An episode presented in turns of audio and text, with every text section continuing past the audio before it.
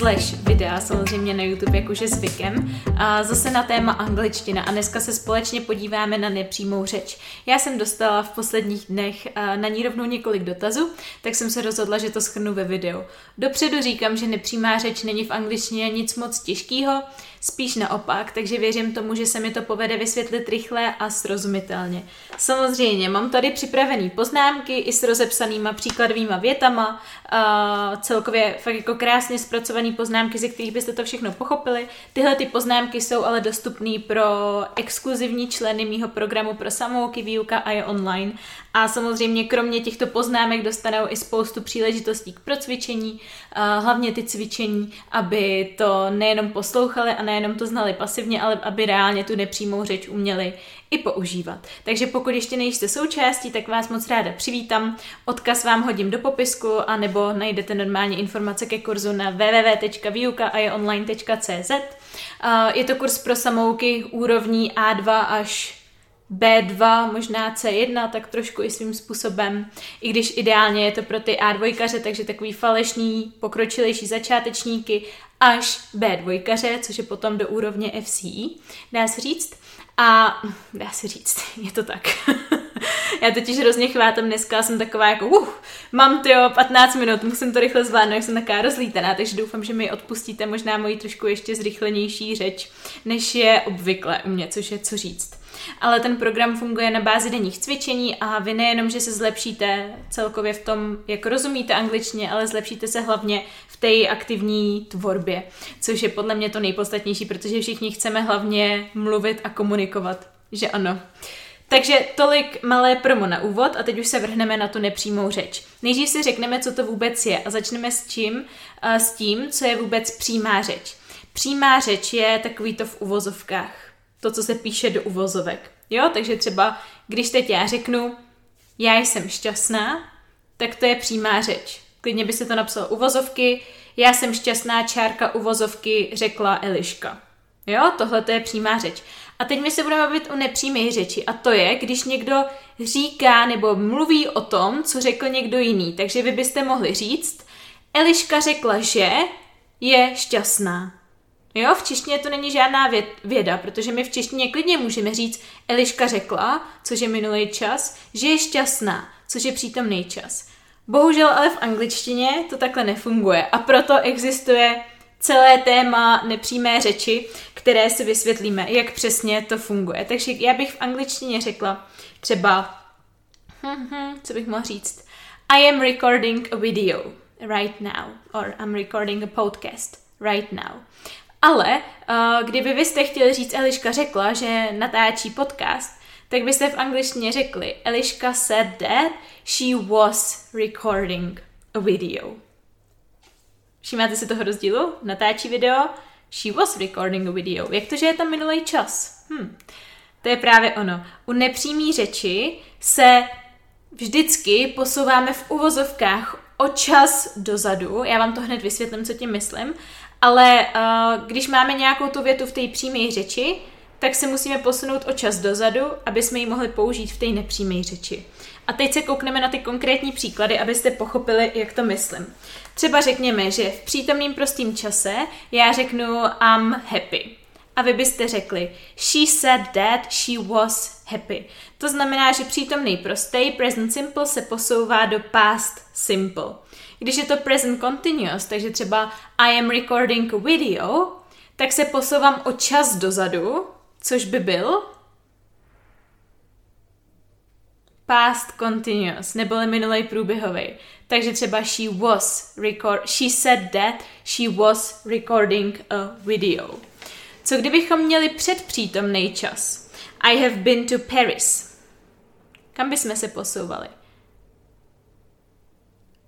Do předminulýho, o čas dozadu. Takže z předpřítomného do předminulýho. Takže she said that she had been to Paris. A kdybychom byli v předpřítomným průběhovým, třeba I've been waiting for hours, tak bychom se posunuli do předminulýho průběhového, přesně tak. Takže uh, she had been waiting for hours. To byly přítomný časy. Když máme minulý časy, tak uh, je to úplně ten stejný princip. Takže když řeknu I was happy, takže minulý prostý by se posunul na před minulý, zase o čas ještě víc dozadu. Takže she said that she had been happy. Kdybychom měli minulej průběhovej, tak se posuneme na předminulej průběhový. Výborně. Takže she was waiting bychom změnili na teda I was waiting v přímé řeči by se změnilo na she said that she had been waiting. A předminulej čas už se nemá kam posunout, takže když já řeknu v přímé řeči uh, I had washed the dishes, tak i v nepřímé řeči řekneme she said that she had washed the dishes, protože už zkrátka nemůžu jít ještě víc do minulosti. OK. A co se týče budoucnosti, tak to jenom schrnu. Koukneme se na slovíčko will, když teď řeknu uh, I will go home, tak vy byste řekli she said that she would go home. Takže will se mění na would. A pokud bychom vyjadřovali budoucnost pomocí be going to, tak třeba I'm going to stop smoking by se změnilo na she said that she was going to stop smoking. I am going to by se změnilo na she uh, was going to. Jo, zase o jeden čas uh, dozadu. Co se týče modálních sloves, tak tam je to jednoduchý. Uh, většina z nich má svůj minulý tvar, takže can se změní na could, I can swim, she said that she could swim, may, což znamená jakoby možná, takže třeba I may go home, možná půjdu domů, by se změnilo na might, she said that she might go home, will by se změnilo na would, jak už jsem říkala, a must by buď zůstalo must, anebo by se změnilo na had to. Uh, ale, takže co se týče času, tak tohle je víceméně všechno. Je to fakt super easy, nehledejte v tom, uh, nehledejte v tom žádnou vědu, prostě si vždycky pamatujte, musím se posunout o jeden čas dozadu, takže přítomný prostý na minulý prostý. Minulý průběhový na předminulý průběhový. Budoucí will na would. Musíte si zkrátka zapamatovat tyhle ty pravidla, najít si v nich nějaký systém a půjde vám to jak fík.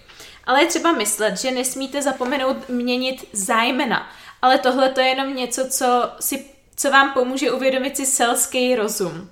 Jo, takže představte si, že tady vedle mě prostě sedí uh, Adam uh, a Eve třeba. Adam a Eva. A Adam říká Evě I love you. To říká Emě. Uh, Evě.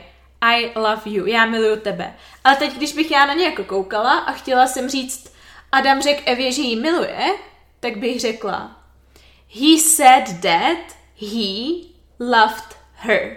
Neřekla bych he said that I loved her nebo I loved you. Řekla bych he said that he loved her, protože dle kontextu to dává smysl. On to řekl jí. Jo, takže nezapomínejte na to, že když někdo řekne I love uh, dogs a vy chcete říct, že řekl, že miluje psy, tak nezapomeňte to změnit buď na he nebo she. He said that he loved dogs nebo she said that she loved dogs a tak podobně. Jo, ale to říkám, to je věc, kterou musí spravit váš selský rozum. Jenom jsem to chtěla zmínit. A potom, co je, na co je důležité pamatovat a co už se mnohdy hůř odvodí, tak je, že když někdo v přímé řeči řekne now, tak vy nemůžete říct v nepřímé řeči taky now, protože now znamená teď, že jo? A když já řeknu uh,